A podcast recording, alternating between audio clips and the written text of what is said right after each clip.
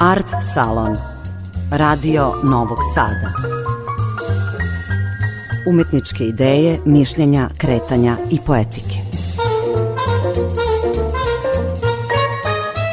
Dobro večer. Ja sam Tatjana Novčić-Matijević, počinje Art Salon, emisija Radio Novog Sada o kulturi. Večeras o novom čitanju tradicije.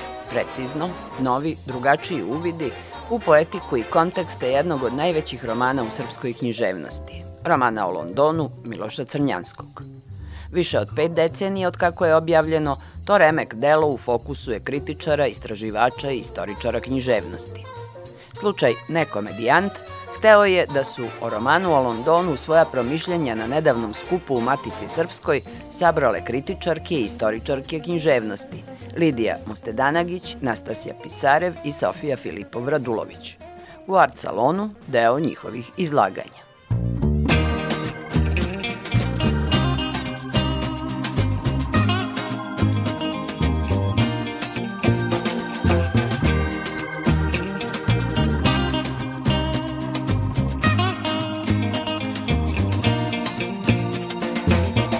See, you got the new biography Where did they get the info from? Same as before, some so-called friends who claim to have known me then. How come they've got such good memory? Well, I can't even remember last week. Got to question where they're coming from. What knowledge of it is me that they speak? so far away.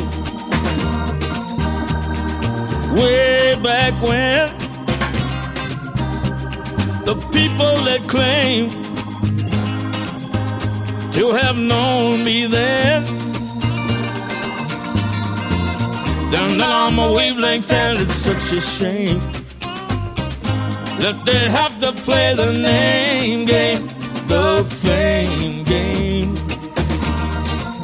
Oh, the name game. Lord, it's a crying shame. Lord, tell me what's to blame. Reinvented all the stories they know. Give them all a different slant. What is it that they're really looking for? just a hobby on the internet, so far away. Way back when the people that claim to have known me then, not on my wavelength, and it's such a shame they have to play the name game the fame game. Oh, the name game. Ah, such a crying shame. They tell me who's to blame. All right, saxophone. respect.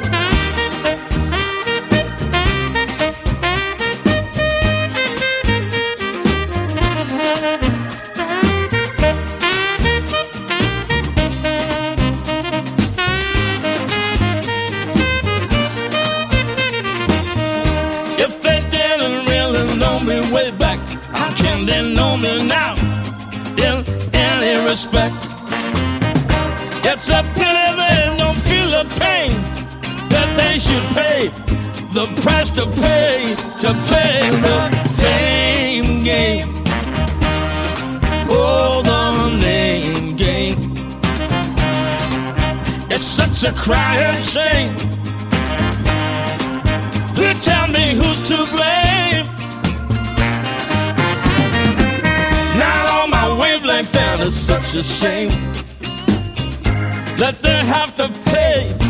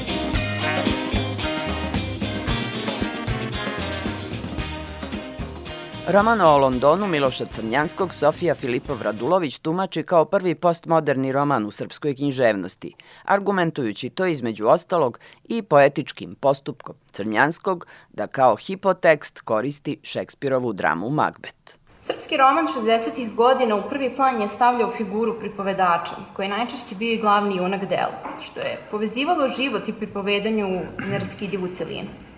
Početkom naredne decenije, međutim, takav pripovedački subjekt postepeno nestaje sa romaneskne scene, pa tako u Pekićevom podučašću Arsenija Njegovana i Peščaniku Danila Kiša, sve značajnija i poetički intrigantnija postoje figura priređivača, onoga ko poznaje književni tekst i ima samo znanje književnosti. No između romana dvojice uz Pavića, najznačajnijih pisaca nove generacije, izlazi i poslednji roman Miloša Crnjanskog. U romanu u Londonu pisac će prikazati svet u kom vetrenjača više nema. Što je jasna poetička naznaka da nema više ni pripovedanja, koji je Bika u Piščevom prvom romanu preosmislilo nemoguć život u istoriji. Kako vetrenjača nema, nema ni Don Kihotovske volje da se poveruje u iluziju i tako progovori – te glavni junak romana ostaje u pripovedačkom smislu nem. On se ipak, kao ljudska senka, nemo javlja pripovedaču. Egalite, fraternite, čujem kako neko viče nemo u jednom vagonu podzemne železnice u Londonu. Tog što viče, čitalac će upoznati u idućem poglavlju. To je neki čovek u vojničkom iznošenom šinjelu, kakvih je u Londonu, kada ova priča počinje, bilo mnogo. Glavni junak romana reaguje na pripovedačev iskaz o ljudskoj jednakosti samo u smrti i tada cinično dobacuje okrenjenu devizu francuske revolucije. Slobodu, u svetu koji ga okružuje, junak ne može ni izgovoriti. Ona će se ipak pojaviti kasnije, na jednom neočekivanom mestu. Ono što ga beskućnika opet začuđava, to je kaligrafska lepota Sterlinga, tog romantičnog slova u očima Engleza. To se čini neka muzikalna arabeska, ali nije početno slovo ni reči slobode, liberte, ni španskog, liberdad, ni engleskog liberty, nego reči libra, mera. Sloboda će se dakle pojaviti paradoksalno da bi se pokazalo njeno odsustvo, ali i da je na njenom mestu novac kao jedina mera ljudske vrednosti, što u daljem tumačenju može odvesti ka zlatnom runu Borislava Pekića i Simeonskoj slici sveta, ali i čuvenoj, a krajnje ciničnoj njegovanskoj diviziji Pan Metron Ariston. Tako se uspostavlja jedna zanimljiva veza između stvaralaštva Crnjanskog i Pekića, kao i načina oblikovanja smisla, odnosno odsustva smisla u njihovim delima. Tamo gde u svom poslednjem romanu Crnjanski uprizoruje težnju modernističkog subjekta za smislom u besmislenom svetu, tu se Pekić u svom kapitalnom romanu prema trgovini kao religiji odnosi sa krajnjom postmodernom ironijom i cinizmom koji možda prevazilazi cinizam samog Crnjanskog. Rijaplinov pak odnos prema novovekovnoj religiji umnogome određuje njegov položaj u Londonu, ali i pitanje njegove nemogućnosti autentičnog pripovedanja, te i činjenice da, uprkos tome što je jedan od mnogih u iznušenom vojničkom šinjelu, postoji nešto što njega izdvaja tako da mu omogući da se javi autorskom pripovedaču i započne priču. Rijepljen je suštinski određen svojim vojničkim pozivom i titulom ruskog knjaza, on to, međutim, ne može biti nigde osim u zemlji koje svojim rođenjem i posvećenošću pripada. U Londonu, nakon rata, on više ne može ponuditi život kao vrhunski viteški zalog, te u dinamici posleratnog sveta postaje beskoristan. Junak tada postaje svestan da živi u svetu u kojem nema više logičkih veza, odnosno u kojem on ne može ostvariti svoje bivstvovanje onakvo kako ono jedino može biti. Rijeplin stoga nije drugo u Londonu zato što je Rus, već zato što on ne može i neće biti ništa drugo. Dakle, ono što junaka postavlja još značajnije u, pozi u poziciju radikalne drugosti jeste to što on ne pristaje na besmisao i uprkos tome što ne može da progovori kao pripovedač, on ima nešto da kaže Londonu. Ne znam kuda ćemo, ali ne zaboravi ono što je njihov Šekspir, ili kako ga Barlow izgovara Shakespeare, rekao o ljudskom životu. To je priča koju bunca neki idiot, London, bunca, svira, trese se, žuri, zvoni, trubi, korača, korača. Ide gore dole u liftu. Ne može da spreči da mu se ne smejem, da ga se ne gadim, da ga kad kad ne gledam sa suzom u očima. Rijeplin koristi Šekspira, za koga kaže da je njihov, kako bi rekao Londonu nešto o njemu samom, koristeći citat iz možda i najmračnije Šekspirove tragedije. Kako se može tumačiti ovakvo pozivanje Šekspira za sagovornika? Crnjanskovo čitanje, ali i pisanje Šekspira, blisko je prezentističkim tumačenjima velikog barda. Prezentisti, među kojima se izdvajaju Terence Hawkes i Hugh Grady, ističu kako ni jedno tumačenje ne nastaje u vakumu i da su interpretatori ti koji biraju tekstovi i činjenice koje tumače i onda misle i govore njima. U takvim tumačenjima se uspostavlja dijalog između čitaočeve sadašnjice i trenutka nastanka dela i u tom smislu Šekspir zaista postaje pravi sagovornik.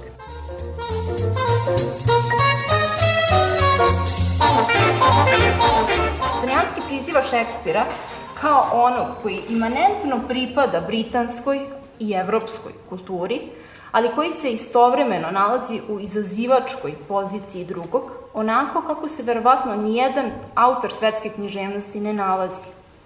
Koristeći Šekspira, Crnjanski ističe njegov subverzivni potencijal u svom vremenu, odnosno koristi britanskog barda protiv te same Britanije, kako bi joj rekao ono što se ima reći o Londonu i o savremenosti. To je naročito značajno ako se ima na umu da je renesansa, koja je što početak modernog doba, čiji se kraj može videti upravo u romanu Miloša Crnjanskog iz 1971. godine. Roman o Londonu nije savremeni Macbeth, onako kako to druge knjige jesu, tu pre svega mislim na Ioneska i Nesbea, kao što ni glavni junak romana nije istovetan glavnom junaku Šekspirove drame. Pa ipak, svet Macbeta umnogo me podsjeća na Rjepninov London, u kojem su sve vrednosti pervertovane, odnosno gde je lepo ružno, a ružno lepo.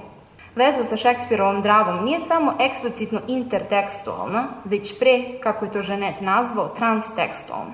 Macbeth postaje u tom smislu hipotekst romana o Londonu, tako što se diabolička slika sveta iz Macbeta prenosi na London.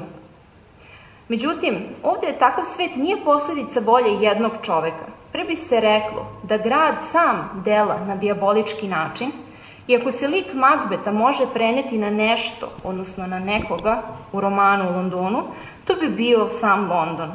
To je dosta srodno Vladušićevom tumačenju Londona kao megalopolisa koji lišava junake volje i na taj način sam postaje junak.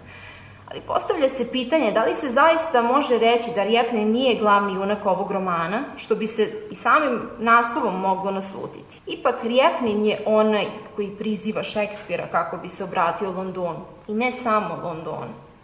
Crnjanski transponuje Šekspirov tekst u svoj roman kako bi prikazao savremenost, čiji je London zapravo simbol. Jan Pot je istakao da istorija u Magbetu nije prikazana kao veliki mehanizam, kao što je slučaj u istorijskim dramama, već kao košmar. Zato Macbeth jeste tragedija i to je ono što Crnjanski i koristi u svom romanu. Tu se otkriva tragizam čudnih metamorfoza koje Rjepnin pominje, što razotkriva svet absurda i ispražnjene transcendencije.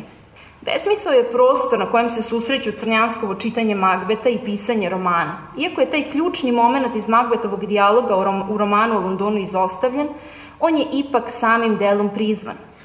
Čitav roman obeležen je saznanjem da život ne znači ništa, da život raseljenog lica ne znači ništa i da je trebalo umreti u Kerču. Međutim, to ne treba zaboraviti na junakovu napomenu sa početka romana, kada on postavlja svoju porodicu, porodicu Rijepnina, kao onu koja je reprezent čitavog čovečanstva. Prenošenjem ili transponovanjem figure idiota ili u drugačijem prevodu tikvana na London, samo se pokazuje koji je to simbolički prostor besmisla, kao i to koliko su besmislene dinamike i prezasićenost tog prostora, koji na osnovu ovih karakteristika možemo nazvati postmodernim. Crnjanski prikazuje sam slom projekta moderne pod prividom njenog ostvarivanja, onako kako to Lyotard definiše u postmodernom stanju. Tamo gde je od kapitalističkog liberalizma ostala samo takozvana slobodna trgovina, junak kao što je Rjepnin, koji suštinski određen svojom teleološkom težnjom i ničejanskim gađanjem na besmisao, ostaje u oluku, kako to Crnjanski prevodi, odakle se ne može pripovedati, pa stoga Rjepnin i nije pripovedač. Ali punoća i rastezljivost njegove svesti, koja je sposobna za uzvišeno, za ironično, za cinično, pa i za groteskno, opire se unifikaciji i priziva druge glasove, glasove kao što je Šekspirov. Šekspir je pisac koji daje glas svakom, pa čak i onima koji su u oluku. Šekspirovski hipotekst poslednjeg romana Crnjanskog u tom smislu nije samo subverzivna strelica upućena britanskoj kulturi, već značajna poetička naznaka nove tekstualnosti. Pozni opus Crnjanskog, dakle, obeležava čiljenje figure Don Kihota, što je i naglašeno na početku romana iskazom o brdu bez vetrenjača i usvajanje slike sveta u kojoj život ne znači ništa.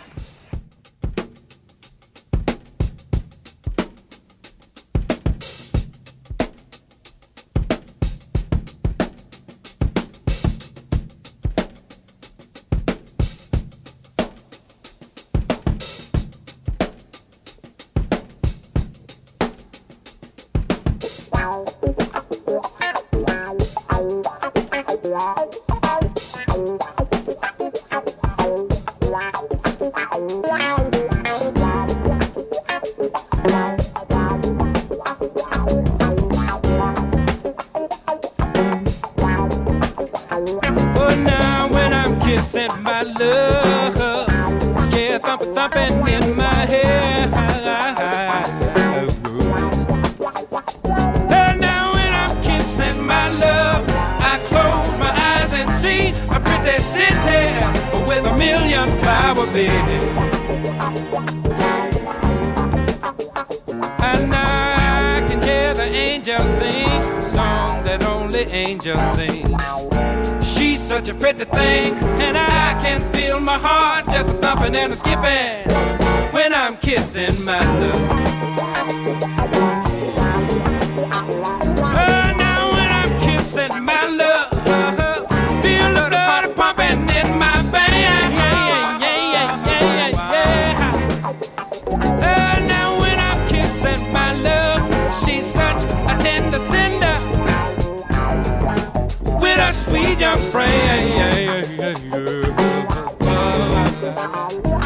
That she's so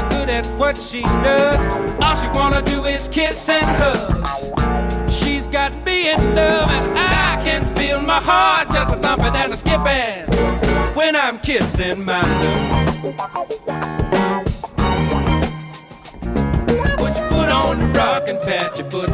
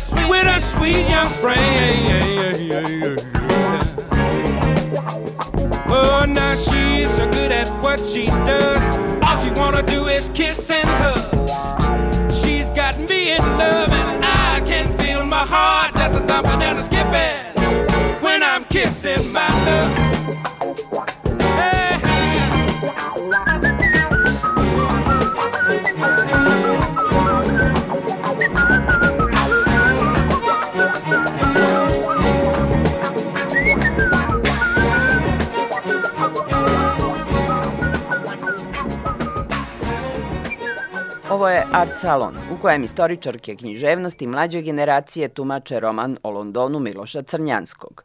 Nastasija Pisarev o gradu pod znakom smrti, odnosno htonskim prostorima u romanu o Londonu. Roman o Londonu je fokusiran na teme bezdovništva, imigracije, samoće i stranstvovanja.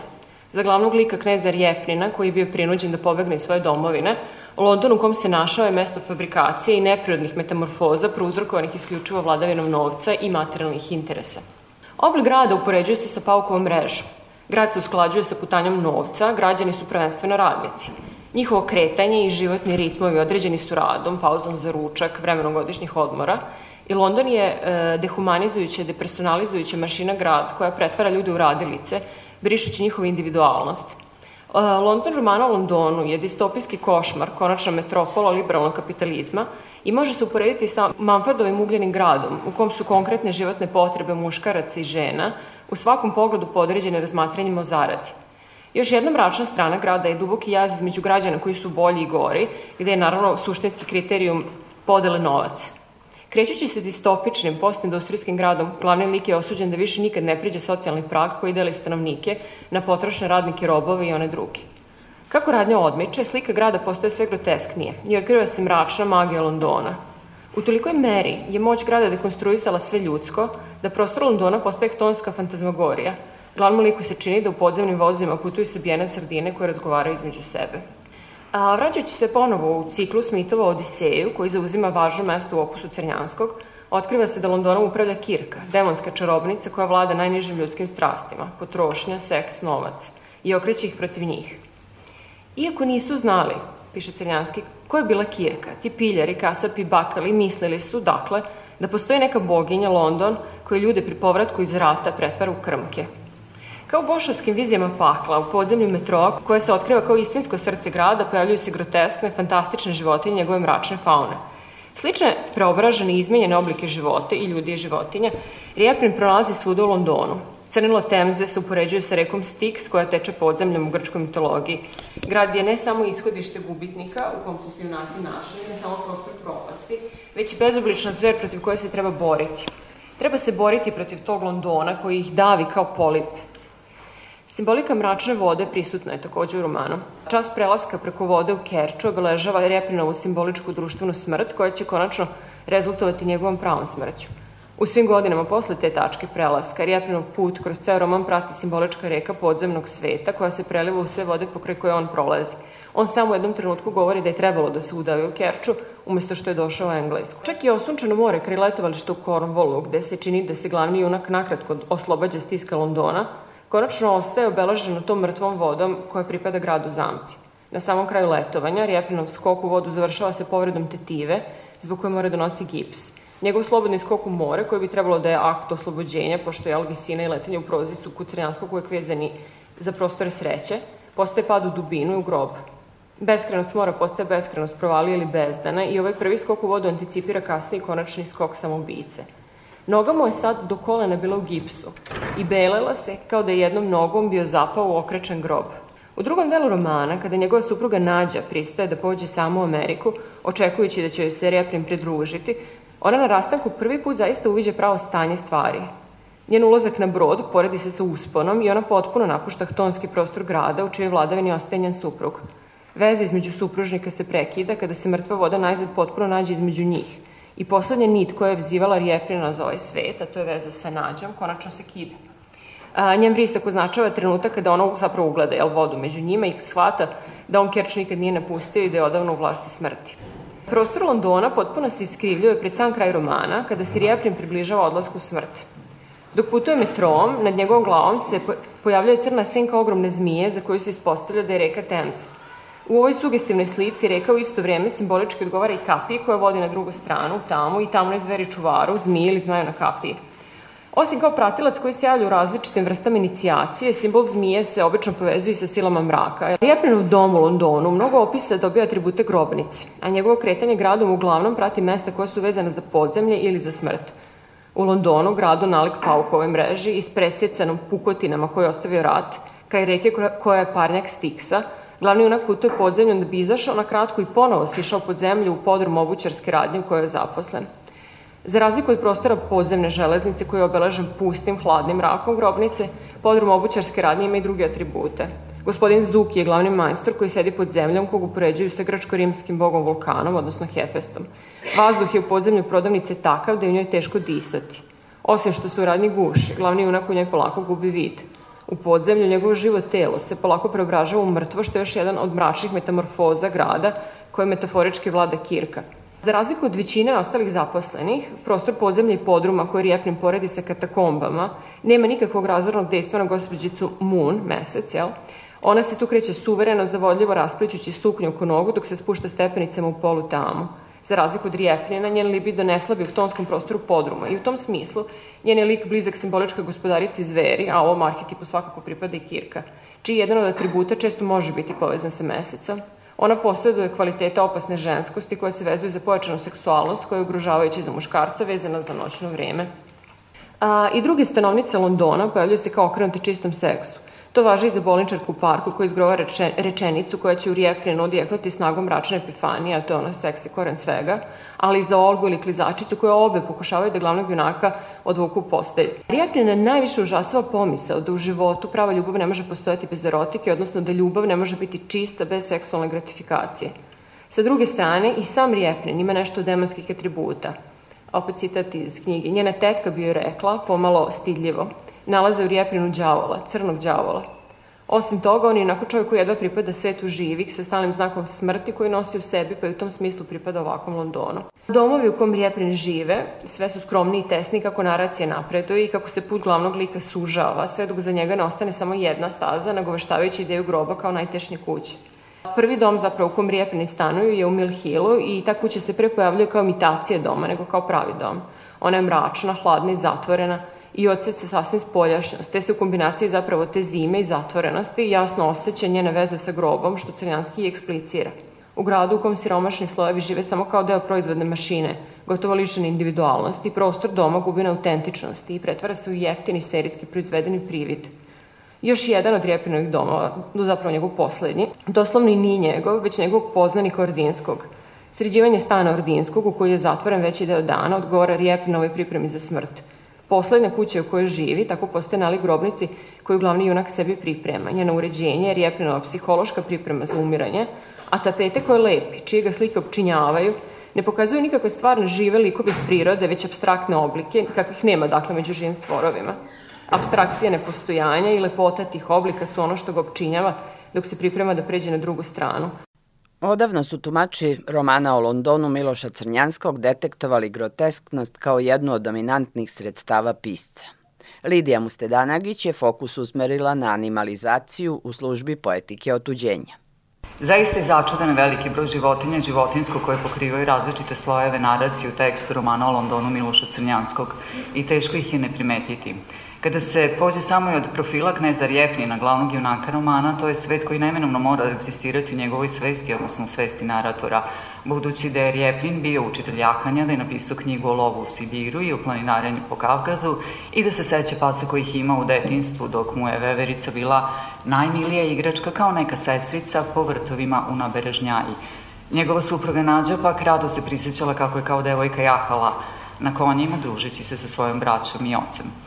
Nas ovde ne interesuje kulturološki sklop asocijacije koje se u jednom realističkom ključu mogu očekivati i koje postoje kada Rjepnin posmatra svet oko sebe, London i njegove žitelji, te slike koje mu sećanje na prošlo servira kao odik melanholije, koja sve više obuzima njegovo biće, već onaj sloj koji je u svom stilskom određenju najviše pokriven sa poređenjima i metaforama, te motivima koji se u svojoj bezmalo lirskoj ekspresiji mogu poimati kao simboli – Crveni elefanti su čuveni londonski autobusi na sprat koji krstare ovim gradom, stičući status posebnog vozila koje kao i vozovi u metrovu prevoze gomile ljudi, nebrojene bezimene grupe, koje Crnjanski često poredi sa sardinama i mravima. Simbolični obal dobija ovde je australijska ptica emu koja je u reklami o štrikanju i pranju evocirala hoću življenja i rešavanje problema, i koja povremeno iskrsava na zidovima metroa i ulica te svojim subliminalnim uvlačenjem u svest nagoni unaka da u jednom sumnjivom naletu sreće izgovori njeno ime, pa Rjepnin umesto thank you kaže emo. Nad velikim brojem drugih reklama kojih je London pun upinje se i groteskni prizor pasa na reklami Dobrotvornog društva za zaštitu životinja, koje glavni junak nimalo slučajno povezuje sa gojom. Na posteru se vide tri psa postavljena u zid kao da istreljaju, Psi su različiti, ali oči su razrogačila sva tri. Uplašeno, užas, strahota, strah od čoveka, ubice, vidi se u svakoj od tih životinja, kaže Crnjanski. Reklamna poruka upotpunjena iskazom, da go ljudi budu mučili životinje, ne može pobediti ideja večnog mira u svetu. Odnos Engleza prema životinjama za Rjepnina jeste posve ciničan jer ni, ljudima, jer ni o ljudima ne vode dovoljno računa, bili oni migranti ili Englezi, dok su u stanju da psima dižu nadgrobne spomenike na kojima ispisuju oproštene reči, jedno doviđenja sa nadom u ponovni susret. Groteskni prizor uplašenih pasa koji incidira i s užasima nedavno završenog rata, temom koji je Goja maestralno obličio u ciklusu grafika pod nazivom Los Desastros de la Guerra – Izmeštanje ljudskog i animalnog, pomeranje njihovih granica je postupak koji će Crnjanski obilato negovati u daljem proznom tkivu ovog romana. I najviše će mu u tome pomoći upravo stilska orijentacija grotesknog tipa koja je ovde naročito majestralno došla do izražaja u slikanju i portretisanju ljudi. Rijepnin u razgovoru sa svojom ženom evocira jednu posetu muzeju i Rembrandtove autoportrete za koje kaže te promene na Rembrandtovom licu, pa i na mom licu, na svakom ljudskom licu – Najluđa su metamorfoza, mislim, koja se može doživeti. Oči postoje oči konja, mačaka, žaba, repe, sline, šupljine, nosevi, krompiri, repe, a podvaljci vise kao prasci, krmače, lepinje. Nema većeg slikarskog dela od tih autoportreta Rembrandta. Ukazujući više na regresiju humanog kao neminovnu pojavu metamorfoze, čine mu se ti portreti izvrsni dok ih opisuje sa čitavim inventarom različitih realija od živog do neživog. U romanu Londonu nalazimo čitav niz poređenja koji u službi ekspresivne karakterizacije sadrže brojne realije životinskog, biljnog i predmetnog sveta. Supostojanje različitih oblasti u poređenjima i opisima pojačani su i su postojanjem lepote i ružnoće u istom prizoru, a to je naročito primetno karakterizaciji ženskih likova.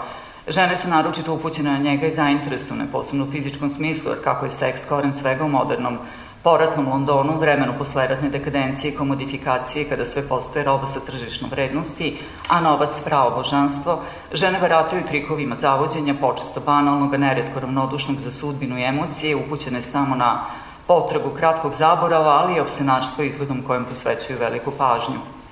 Žene će ga često podsjećati na ptice, na primer. Jedno lice bilo je puno ljubkosti, ali su i oči bile mrke, činile su se kao da su oči orlića.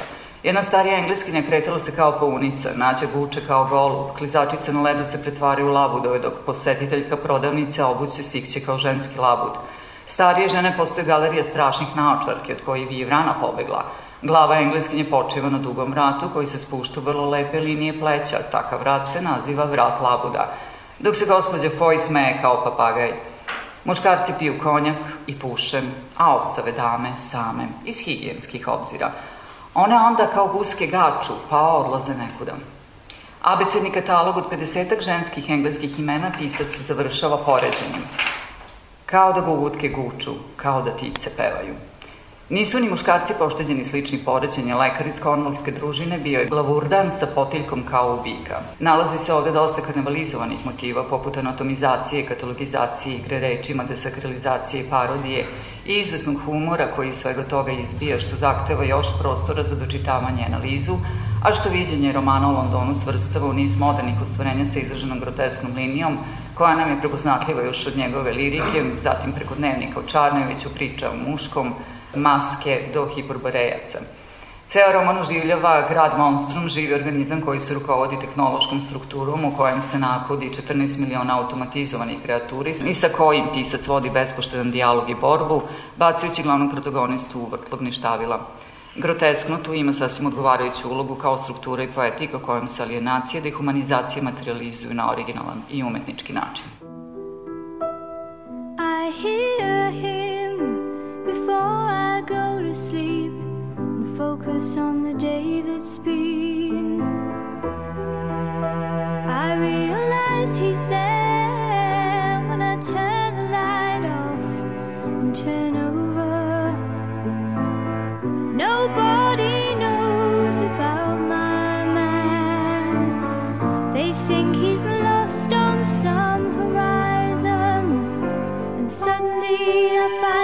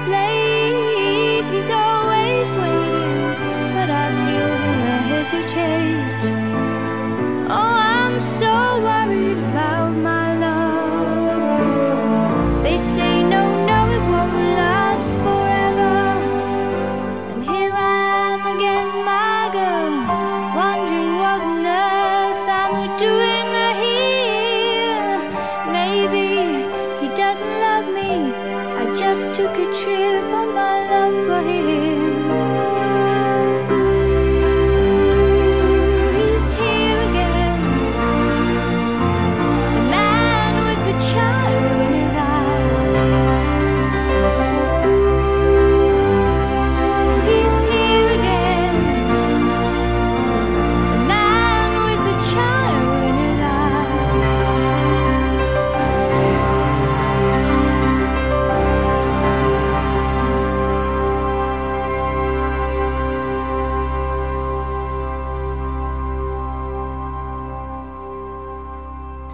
je to art salon u kojem su o romanu o Londonu Miloša Crnjanskog govorile kritičarke i istoričarke književnosti Sofija Filipov-Radulović, Nastasija Pisarev i Lidija Mustedanagić.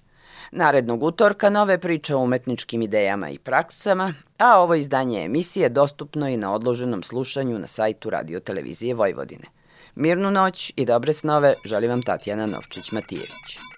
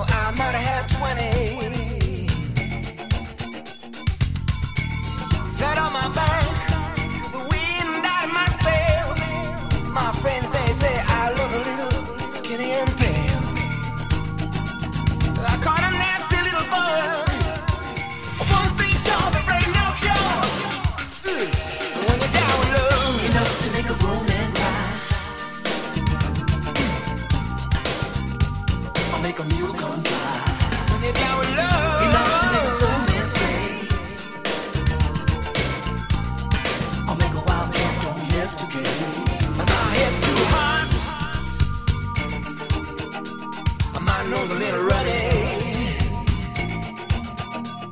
My family doctor stuck me twice and stole my money. mirror mirror on the wall, let me tell you what I see. Some kind of